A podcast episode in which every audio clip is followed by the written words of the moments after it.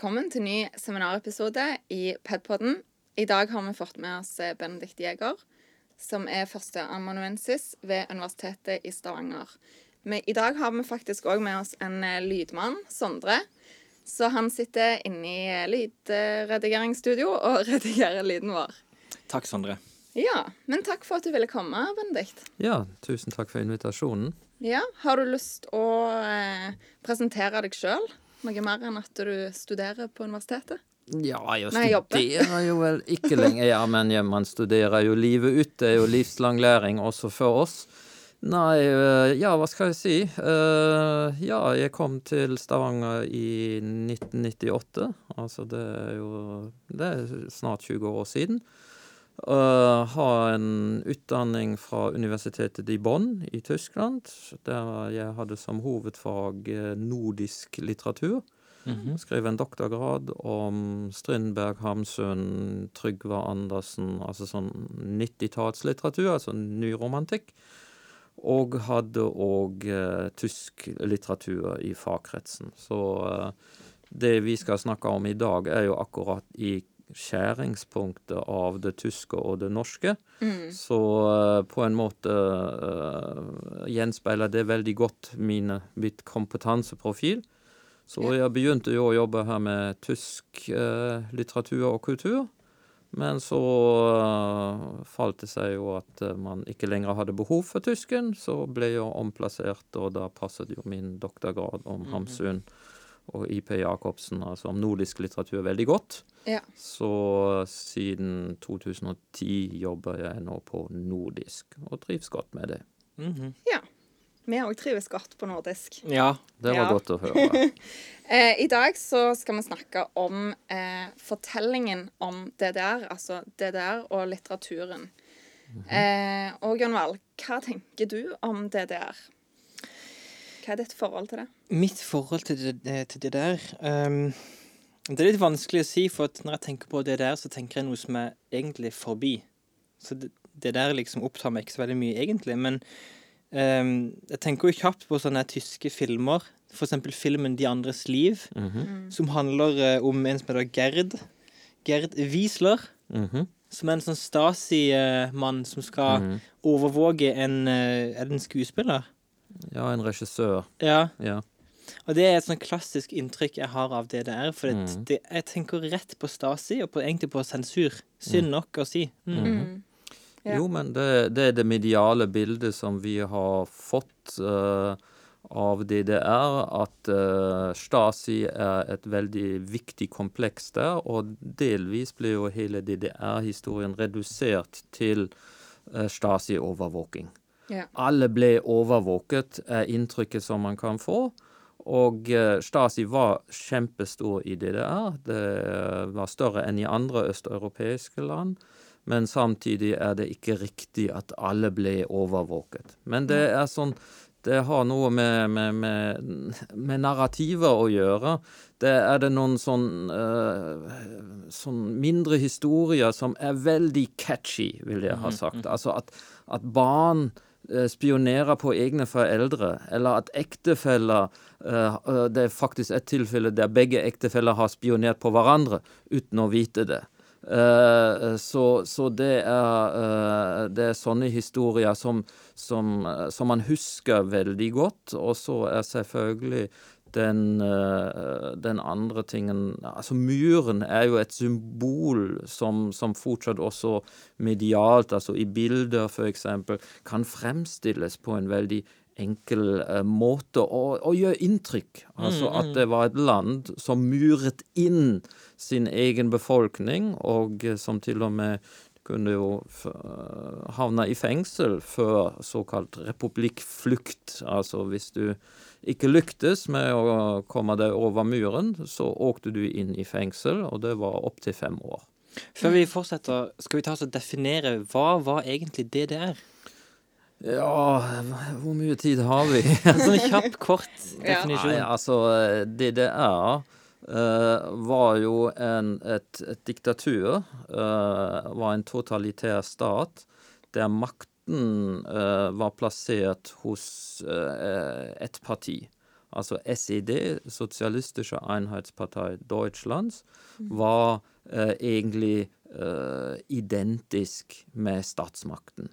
Eh, DDR hadde også et parlament, men det spilte ikke noen rolle. Det fantes også andre partier i DDR, men de inngikk på en sånn felles liste, som de kalte det. det.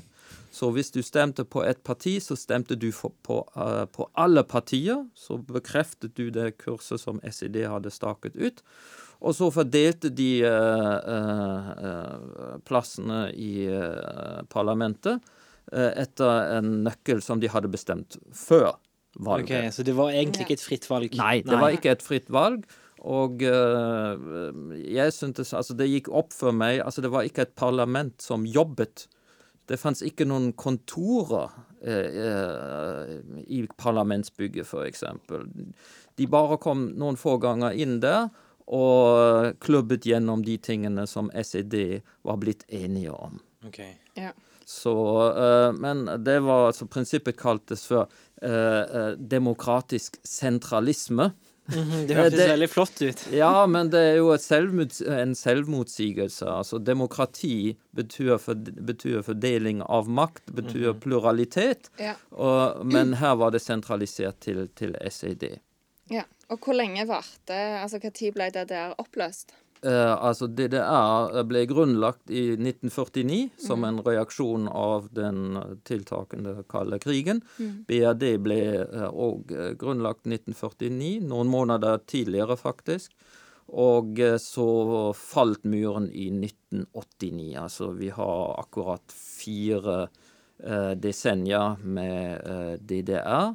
Og selvfølgelig må man òg se at eh, DDR har eh, Det fins forskjellige utviklingsfaser i DDR. Altså Muren var jo ikke et faktum fra dag én. Muren ble bygd 1961.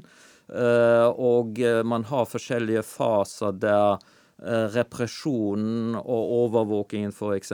var mer alvorlig, og så hadde man liberaliseringsfaser. Det er en sånn opp og ned. Eh, før vi kommer inn på litteraturen i DDR, så må vi Du har vært litt inne på det. denne fortellinga som vi har skapt i etterkant av DDR. Og da er det et begrepspar som vi må på en måte ta opp med i gang, nemlig ostalgia versus totalitet. Mhm. Dette er de to på en måte ytre kategoriene som folk pleier å fortelle ei fortelling om DDR. Og min fortelling om DDR som en sånn Stasi eh, Mhm. eh, Eller der Stasi står veldig sånn framtredende, Mhm. vil bli en sånn totalitetframstilling av der. Ja, totalitarismus, altså totali ja. ja, altså En totalitær framstilling. Ja, en total, ja. uh, ja, og så har du uh, Altså, det som er viktig, er jo at som sagt, ikke alle ble overvåket. Og ikke alle var uh, gjennomgående eh, ulykkelige i dette landet. Altså, det fantes også en, en hverdag der. Og folk eh, fikk barn, giftet seg, skilte seg, hadde det gøy. Hadde, var òg misfornøyd, ettersom DDR, var den personlige fridommen til å utfolde seg var begrenset. Eh, hvis du ikke fulgte reglene som SED hadde staket ut. Altså det var, Selvfølgelig finnes det òg biografier at folk eh, eh, løftet seg selv, f.eks., og hadde yrkeskarriere, eh, utviklet seg sterkt. Um, men eh, Og eh, folk jobbet mye i DDR. Det er faktisk det er jo òg noen kontinuiteter fra f.eks. det prøyssiske arvet. Altså den, det som Max Weber kalte for den protestantiske Wirtschaftsetikk, altså at, at man skal jobbe, man skal gjøre en innsats osv. Veldig kjent òg her i Norge, vil jeg tro, har med protestantismen å gjøre. Uh, og den ble tatt opp også i, i det der voldsomme patos for å jobbe. Altså, eh, i DDR og i hele østblokken så fikk man jo utmerkelser for at man hadde jobbet mer enn man måtte. Altså, det fantes en norm som man skulle oppfylle, og hvis du hadde overoppfylt den, så fikk du en hedersbetegnelse. Og selvfølgelig, de, eh, de som bodde i DDR, de, de, de lo litt av det, men i etterkant viste det seg at eh, overgangen var såpass brutal fra eh, en eh, østlig eh, planøkonomi til en vestlig markedsøkonomi at det førte til massiv arbeidsledighet. Mass, mange uh, store industrier som var foreldet, ble lagt ned. Og så står de plutselig der, og ingen har bruk for dem. Mm. Og så har du samtidig det store uh, identitetspatos med arbeid. Så, så, at mange følte vi blir, vi blir bare kastet på skraphaugen her. Og da lengter du selvfølgelig tilbake og glemmer uh, det som kanskje ikke var så bra. Så det fins en, uh, en, veldig fin liten bok som òg er blitt filmatisert, som heter 'Ved kortere enden av Sonnenallé'. Og det er den siste setningen. Nå må jeg forsøke å få det frem. Lykkelige, menne, men, uh, lykkelige mennes, mennesker har uh, Har gode indringer og dårlig hukommelse. Ja, nettopp. Altså Og akkurat det skjedde med, med nostalgi at man selvfølgelig fokuserte på det positive for mm. å kompensere den negative situasjonen som har oppstått nå i det gjenforente Tyskland, og glemme resten. Mm. Uh, det var jo likevel ikke så farlig. Mm. Ja, så det måten det der har blitt framstilt på, er ganske svart-hvitt, egentlig, med, med, på en måte det, de positive og de negative sidene, og kanskje ikke ofte sånn blanding av sånn det faktisk var, da. Ja, altså selvfølgelig. Altså det fins masse forskning som forsøker å nyansere, men mm. hvis, du, uh, hvis du ser på den mediale fremstillingen, uh, så, så, er det ofte veldig svart-hvitt. Og når ja. jeg skrev denne boken om norsk litteratur bak muren, mm. jeg må ærlig si jeg var kjemperedd at jeg skulle oppdage at en av norske forfatterne var, var Stasi-informant. Oh, ja. Oh, ja. Ettersom da er du med en gang inne, da banker Dagbladet på døren og vil bare ha den ene fortellingen, og det er denne svart-hvitt-fortellingen. Ja. Mm. For det er den som selger. Muren det, selger, Stasi selger. Ja. Mm. Absolutt. Uh, uh, så har det vist seg at Stasi var i kontakt med en norsk forfatter, men at han og til og med også sa jo, vi kan gjerne samarbeide, men ikke hemmelig. Mm. Og da sa Stasi nei, det vil vi ikke ha. Vi trenger konspirasjon. Konspirasjon var det aller viktigste. Hvis du la tingene åpent uh, på bordet, uh, da forsvant eh, Stasi med en gang. Mm -hmm. uh, det hadde selvfølgelig for han norske forfatteren, som var Sigbjørn Hølmebakk, ikke noen negative konsekvenser.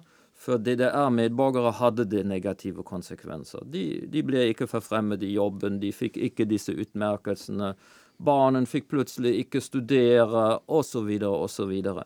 Det er masse sånne disiplineringstiltak. De hadde et helt arsenal til å presse folk i den retningen som uh, man ønsket seg. Ja.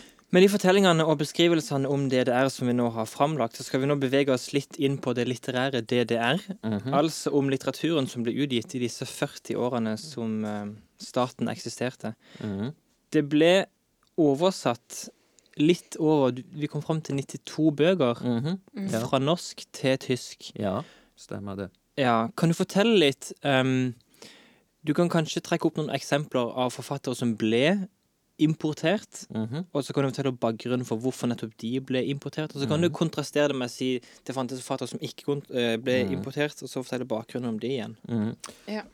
Ja, det, du sier importert, og det er i og for seg riktig, men der ligger det litt sånn at det bare er kjøp og salg. Og det var uh, Selvfølgelig var det òg viktig at bøker blir lest og solgt. Men litteraturen har hatt en stor funksjon i DDR, og det er ikke atspredelse. Altså DDR, I DDR hadde litteratur alltid òg en didaktisk funksjon. Den skulle løfte proletariatet opp til kulturens høyde. Uh, og det var veldig viktig. Vi, du, dere snakket om uh, das Leben, altså de, de andres mm, liv. Ja. Det er det ikke tilfeldig at Stasi-majoren overvåker en teaterregissør. Nei. Uh, ettersom i kunsten kunne visse ting forhandles og belyses som ikke var mulig å belyse i f.eks. Eh, en vanlig offentlighet, ettersom mm. det fantes ikke en sånn offentlighet. Pressen var i, i lommen til SED, altså til statsmakten, og der ble egentlig ikke noen problemer diskutert. Så det fant delvis sted i litteraturen, og dermed hadde de en viktig funksjon, men de var også potensielt farlige. Samtidig var det for, for forfatterne var jo det, det som var veldig spennende. De hadde innflytelse. De følte vi kan bevege noe. Vi har en funksjon. De mektige kommer til oss inn i, inn i teatret og diskuterer med oss etter ordfremføringen av dette stykket her. Ja, så de, de tok kunsten på alvor, rett og slett. tok, jo, de tok kunsten på alvor ettersom de mente kunsten kan vi bruke for, for, å- for å formidle vårt budskap. Eh, regissøren og forfatterne drømte kanskje en annen drøm, altså at de kom i første rekke, og at eh, de ga instrukser til politikerne. Men eh, i realiteten var det selvsagt omvendt. Ettersom hvis du gikk imot ønskene til eh, makthaverne, så slår sensuren inn. Og og det er uh, Hvordan foregikk det i praksis at noe ble sensurert bort? Ja, altså, der må vi jo skille litt mellom norsk litteratur og litteratur som ble skrevet i DDR. Altså, i DDR var det sånn at man til og med hadde innflytelse på produksjonsprosessen. Ettersom forlagene var pålagt til å jobbe og ha et, en, en, en, en kontrollerende blikk på eh, tekstenes tilblivelse. Altså at en eh, De kalles for lektorer, altså ikke det som dere skal bli, men eh, forlagskonsulenter, ville vi vel ha sagt. Eh, de diskuterte jevnt med forfatterne. Og når en tekst var ferdig, så ble den sendt inn til Kulturdepartementet. Der fantes det en avdeling som var ansvarlig for godkjenning av eh, eh, litteratur. Og eh, du måtte sende inn teksten og to konsulentuttalelser. En fra eh, forlaget selv, og en fra en ekspert. Og der kommer universitetene med inn i bildet. De, de hadde gode kår der. De kunne tjene litt ekstra penger. Og eh, var altså en del av det spillet. Og der måtte de argumentere for ja, det her er en, en roman som viser, la meg si det litt, uh, hvis vi nå tenker på norsk litteratur, som viser hvor fælt det er i Nato- og kapitalismelandet Norge. Ja. Veldig bra. Den ønsker vi å publisere for å vise at forestillingene om uh, Norge er helt feilaktig i den eh, østtyske befolkningen. Så det var ekspertene sin jobb å komme med den type uttalelser? Ja, altså, det, altså sensur er et nåløye. Og nå, hvis du vil gjennom det, så må du argumentere og bruke uh, det Altså må, må spille det språkspillet som er påkrevd. Ja. Altså det er på de, Disse tekstene er på ingen måte eh, litteraturvitenskapelige lesninger eller essayer om disse tekstene, men de trykker på de rette knappene for å få det gjennom. Og der er det en egen retorikk som disse uttalelsene eh, utvikler, ettersom de det er klare. Hvis, hvis de overdriver, eller hvis de fortrenger problematiske ting, og eh, eh, denne eh, delen av Kulturdepartementet blir mistenksom, så fører det til at de sender tilbake og sier nei, vil vi ikke ha. Ettersom hvis de ble mistenksomme, så sendte de eh, manuskriptet til en ekstern konsulent som var knyttet til sensurmyndigheten. Og de var ideologisk skolerte. Det var skarpe hunder, rett og slett. Og de skulle ta bladet fra munnen. Ettersom de visste selvfølgelig òg forlaget har egne interesser, som kanskje ikke alltid sammenfalt med ideologiske forestillinger og ønsker fra de mektige. Eh, Så eh, da sendte de det videre til en tredje, eh, second opinion, eller third opinion, og de skulle ta bladet fra munnen. Og, men hvis alle sa ja, det, her, det, det, det, går, det er fint, det, går, det, det kolliderer ikke med våre sosialistiske idealer, uh, her er det ingenting som er støtende, så ble teksten publisert. Så hvis du var lur som forfatter, så Dette blir jo veldig flåsete sagt, men hvis du var forfatter og tenkte at du skulle komme inn i DDR, så burde du egentlig ha et prosjekt som kritiserte f.eks. kapitalismen. Ja. Ja. Ja, altså For da det- fikk denne funksjonen oss mot dem, altså Ja. Altså, jeg kan ta et eksempel. Du, dere spurte om uh, hvilke forfattere blir publisert. Ja. Og det er jo noen forfattere som blir publisert, uh, og med, med flere tekster i eh, DDR, som er helt ukjente i dag. Altså, uh, bergenseren Øyvind Bolstad er det, Jeg tror det er bare noen få som, som har kjennskap til hans tekster. Men han var beinhard NKP-medlem og skrev tekster som kritiserte Uh, altså var kapitalismekritiske tekster som kritiserte rettsoppgjøret etter andre verdenskrig, uh, som gikk eh, inn uh, mot Altså, han skrev mot en, en, en egentlig ikke så dårlig roman, 'Profitøren', som omhandla brakkebaronene, og hvordan de kommer seg uh, unna i, i rettsoppgjøret. Men det, det passet veldig godt inn i i, der, eh, i verdensbildet til DDR. De er estetisk er det kjedelige og dårlige romaner. Men det ideologiske var i alle fall i begynnelsen mye, mye viktigere enn eh, det estetiske. Altså Det er sånne uttalelser som man kan lese.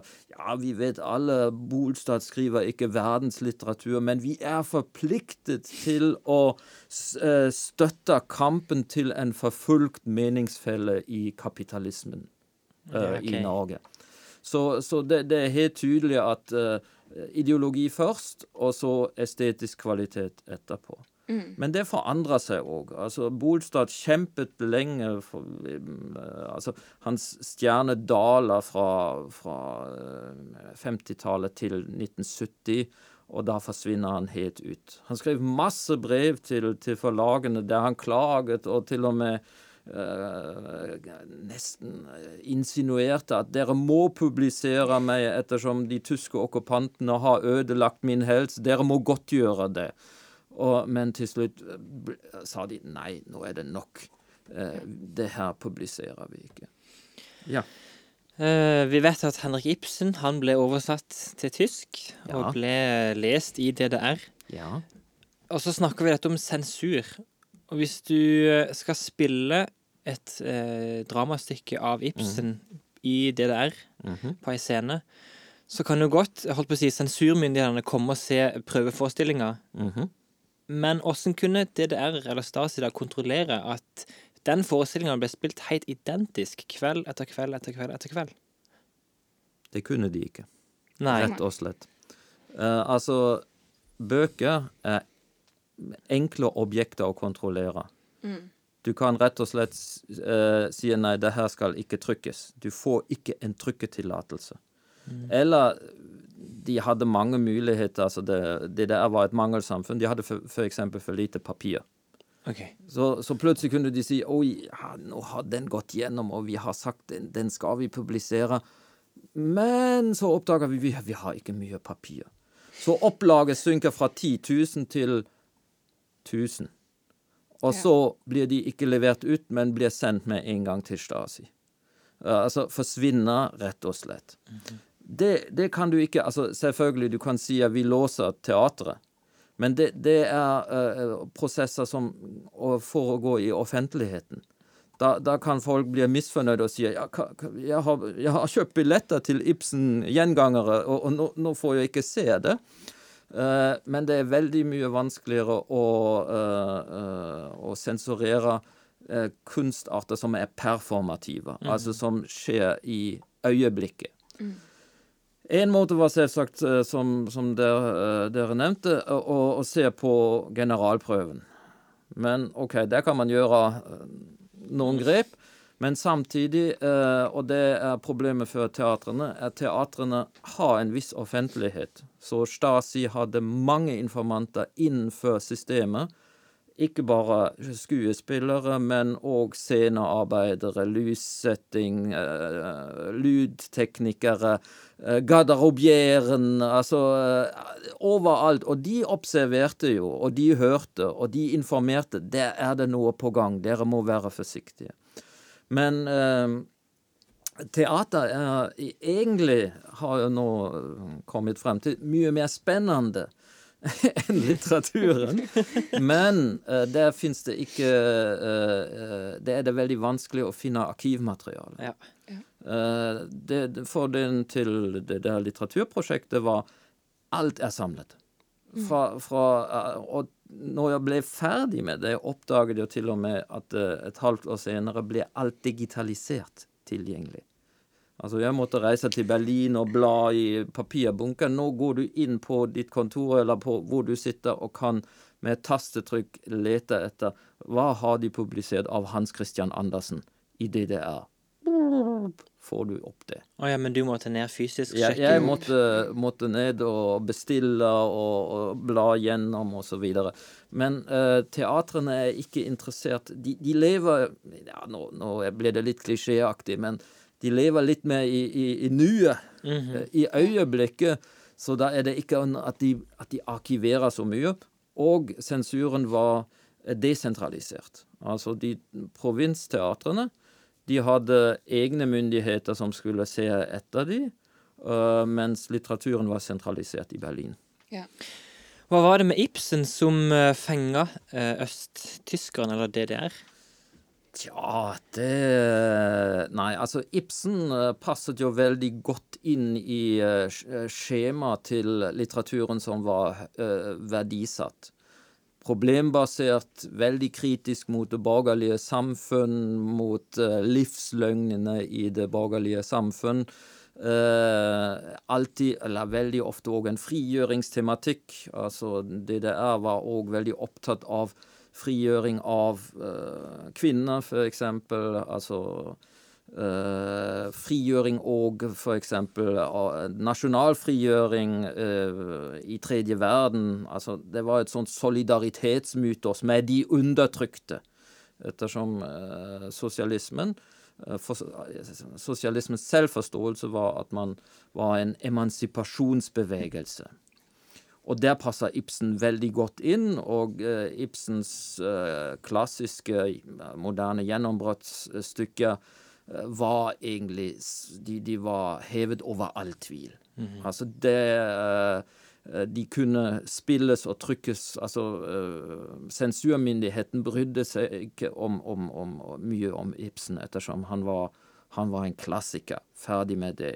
Da kunne man til og med ta i eh, ta med litt sånn merkelige ting som, som symbolistiske ting som byggmester Solnes. Ja ja, la gå.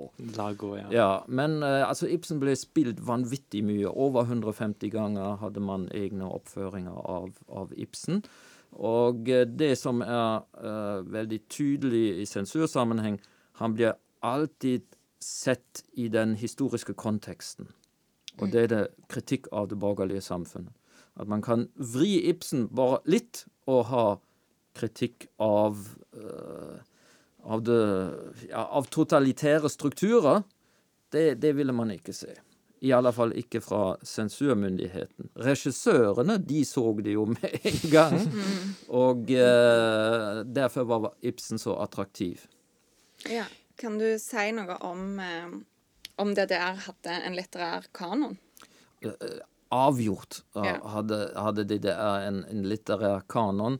Uh, når jeg sa DDR ble grunnlagt i 1949, eh, så var DDR noe helt nytt uh, i, i Tyskland, ettersom det var en sosialistisk stat. Så man, man trengte så å si noe som skulle bygge identiteten, og det skulle være litteraturen. Ja. Derfor var det òg veldig viktig å publisere f.eks. eldre litteratur, klassikerne Goethe, Schiller, for å vise det som Goethe og Schiller har drømt om. Det har vi virkelig gjort her i DDR nå. Altså, det, det, blir, det er et sånt kompleks som heter arveproblematikken. Altså, vi tar opp arven etter de, og vi eh, fullfører deres ønsker, egentlig. Og da DDR var, altså da sosialismen og marxismen er internasjonalistisk, det er ikke noen nasjonal rørelse, så ville man gripe fatt i hele verdenslitteraturen. Og derfor var det veldig viktig. altså Ibsen er helt klart en del av den arveproblematikken, men ikke bare Ibsen. På 50-tallet var til og med Bjørnson nesten like stor som, som Ibsen. Bjørnsons prosa. Uh, Bjørnson, Lie, Kielland. Alle Altså- var publisert. De ble alle publisert. Og eh, Bjørn, framfor alt Bjørnsons patos ble jo sett eh, som en sånn oppbyggingspatos som viser vei.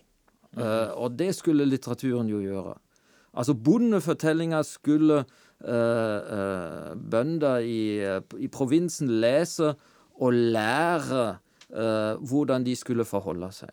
Ja. Altså det, det, det, den didaktiske eh, og eh, Ja, den rollen som litteratur skulle inneha. Vi kan gå til den motsatte enden av skalaen, altså norske forfattere som absolutt ikke ble oversatt til Eller ble implementert i DDR. Ja. Der må man eh, Altså, i, i den boken som jeg har publisert, så, så bygger jeg både på papirer fra, der, eh, fra den der sensurmyndigheten. Og der er det egentlig bare papirer eller eh, material om bøker som ble publisert. Eh, og så, når man ser i eh, arkivene til forlagene, så oppdager man plutselig Oi, der var det i alle fall noen prosjekter som de hadde tenkt å sende inn, men som de trakk tilbake. Og da må vi jo snakke OK, det er sånn eh, sensur avant la lettre. Altså, de, de ville ikke uh, gamble med kreditten som de hadde opp, bygd opp eh, hos myndighetene, og så uh, trakk de tilbake.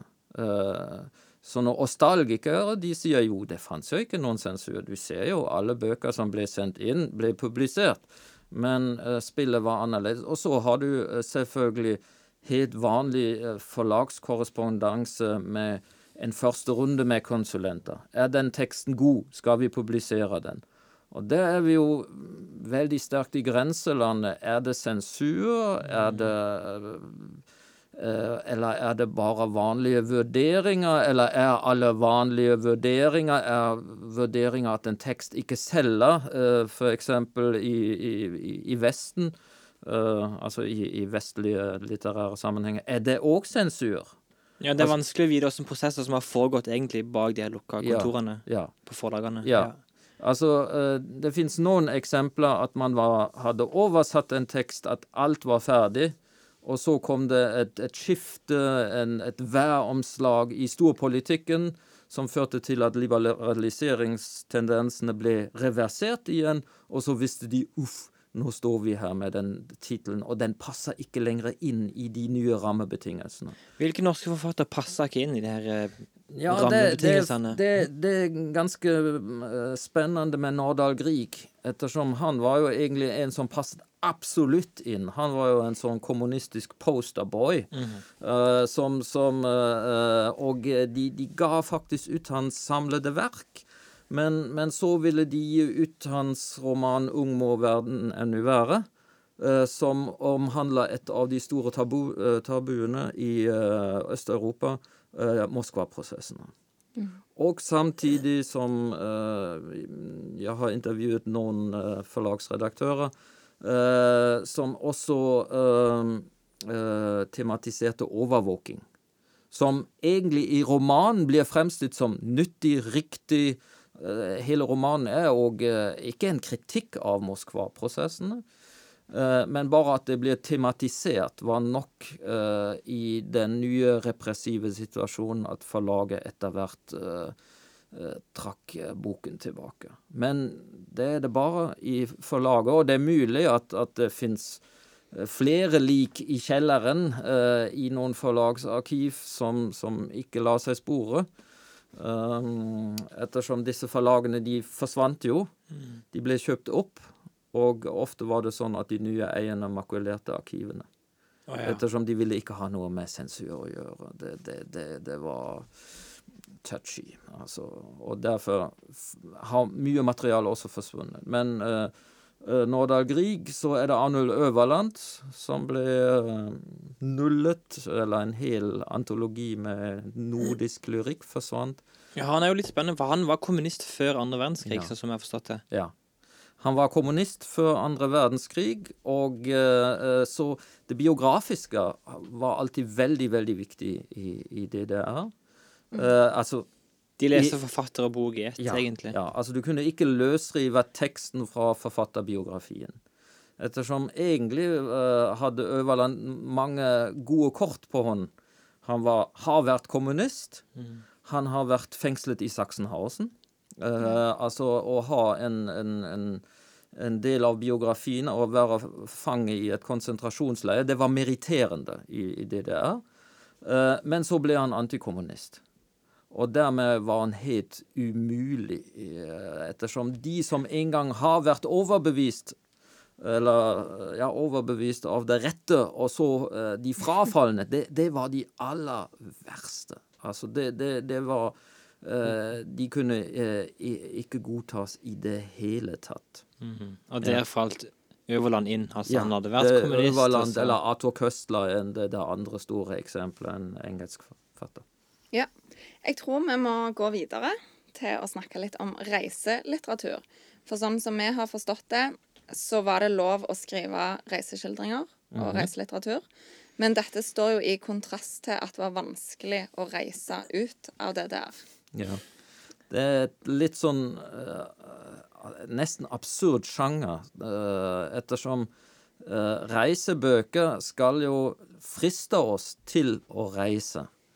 Og selvfølgelig reisebøker til Sovjetunionen var, var ikke noe problem, men de, det skrevs òg en god del reiselitteratur om vesteuropeiske, altså om, om kapitalistiske land.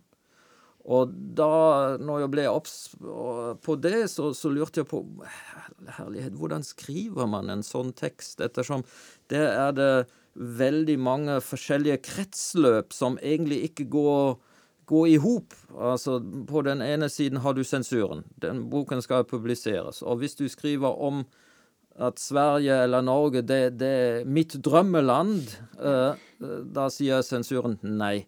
Det vil vi ikke ha. Sånn får du ikke skrive. Du skal ikke eh, friste folk og, og, og flykte fra landet. Eh, samtidig, hvis man bare skriver 'Å, Norge er et forferdelig Nato-land', og der er det bare arbeidsledighet og narkomane osv., da begynner jo folk å klø seg i hodet og si «Eh, Stemmer det? Har jeg aldri hørt om. Og så må man huske det er litt spesielt med DDR, ettersom DDR var medialt ikke delt. Alle i DDR kunne se Vest-TV. Det var ikke lov å se, men alle gjorde det. De kunne altså se uh, vesttysk uh, nyheter og selvfølgelig også reisereportasjer. Og de var jo selvfølgelig sånn idylliserende, f.eks. om Skandinavia. Så på den ene siden må man tilfredsstille leserne og, og, og gi dem noe som de syns er spennende. Men samtidig må du òg gi eh, kretsløpet ideologi, makt, noe, så at de kan godta det. At du også skriver litt sånn idylliserende eller uh, tilfredsstiller eksotismen, altså. Ja. Ja. Ved en tidligere anledning så husker jeg at du fortalte at um, østtyskere de ble anbefalt å reise til Kiruna i Sverige. Mhm. Og så husker jeg at jeg stussa litt over det, for Kiruna i Sverige det virker jo ikke som på en måte paradis på jord. Men du hadde en veldig god forklaring på hvorfor akkurat Kiruna ble løfta fram i det der. Ja. Nei, i Øst-Europa var tungindustrien veldig viktig. Og eh, Kiruna med, eh, med malmgruvene var selvfølgelig en, eh, en arbeidsplass som falt Som passet inn i dette skjemaet. Og dessuten kunne, man, kunne man der komme i kontakt med arbeiderne. Og skrive realistisk på en måte om deres arbeidshverdag og, arbeidshverdag og deres problemer. Eh, så, så det er òg i andre reisebøker de, de, de, de har sånn merkelige avstikkere til stålverk her og stålverk der, og snakker med arbeiderne der. Men det er min tese eh, at disse reisebøkene er veldig sammensatt. Altså, du drar til Kiruna og skriver om arbeiderne, Da har du tilfredsstilt eh, kretsløpet ideologi. Det er et sånt pliktløp. Altså, helst et kapittel, så kan leserne bla videre hvis de sier ah, OK, nå kommer det. Eh, OK, jeg hopper over det. Så, eh, eh, men men det, det var viktig, eh, ettersom det fins andre reisebøker, f.eks. en bok om Stockholm, der, det, eh, der man ikke finner denne balansen. Der det er mange kapitler der eh, forfatteren intervjuer narkomaner og, og kriminelle for å vise hvor fælt det er i, i, eh, i Sverige. Uh, om det har bidratt til at boken ble solgt og lest, uh, det vet jeg ikke. Men jeg tviler på det. Ja. Så her igjen så har på en måte litteraturen sånn funksjon at han skal egentlig samle, sånn som du starta hele podkasten med å si, litteraturen har en funksjon om å samle det det er, egentlig. Ja, altså det, den, den, den skulle oppdra folk på en måte òg. Og eh, eh, det er veldig tydelig eh, at litteratur som bare skulle underholde, eh, hadde store problemer. Mm. Eh, altså for eksempel Bjørneboes 'Heiene' ble, eh, ble ikke publisert, og i forlaget sa de nei, det er bare underholdningslitteratur. Det er ikke interessant. Det, det, det vil vi ikke ha. Altså litteratur som, som hadde andre mål eller foremål, var, var uglesett. Eh, Helt Mest tydelig blir det f.eks. at eh, det var helt umulig å publisere pornografi. Altså bøker der det var eh, skildringer av seksualitet som kunne lukte av pornografi, de var helt uh, umulige. Utenkelige. Ja. Så eh, reiselitteraturen skulle på mange måter eh, bygge opp under det østtyske idealet eh, om arbeideren, Ja. og Men samtidig skulle det òg være en luftlomme. Altså, du kunne Du skulle kunne reise i hodet. Altså eh, Ettersom det forstår de etter hvert òg, du kan ikke bare herske bare med makt. Du må òg ha nisje luftlommer, og der var litteraturen viktig. Så at, eh, at, at ting som var umulig i hverdagen, ble tematisert i litteraturen. Og der tror jeg hadde reiselitteratur en, en, en viktig funksjon. At man allikevel kunne drømme seg litt vekk, og så kommer disse andre delene om igjen. Og så holder man kanskje bedre ut i den tøffe og kanskje litt eh, triste hverdagen. Ja. OK.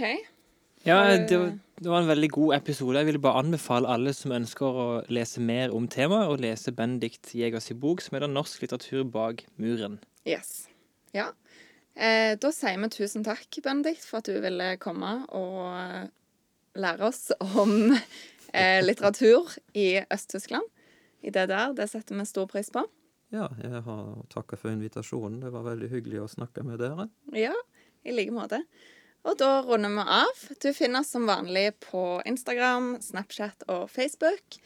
Og du kan laste oss ned via Podbean, Soundcloud og iTunes. Og enn så lenge, ha det gøy! Ha det gøy.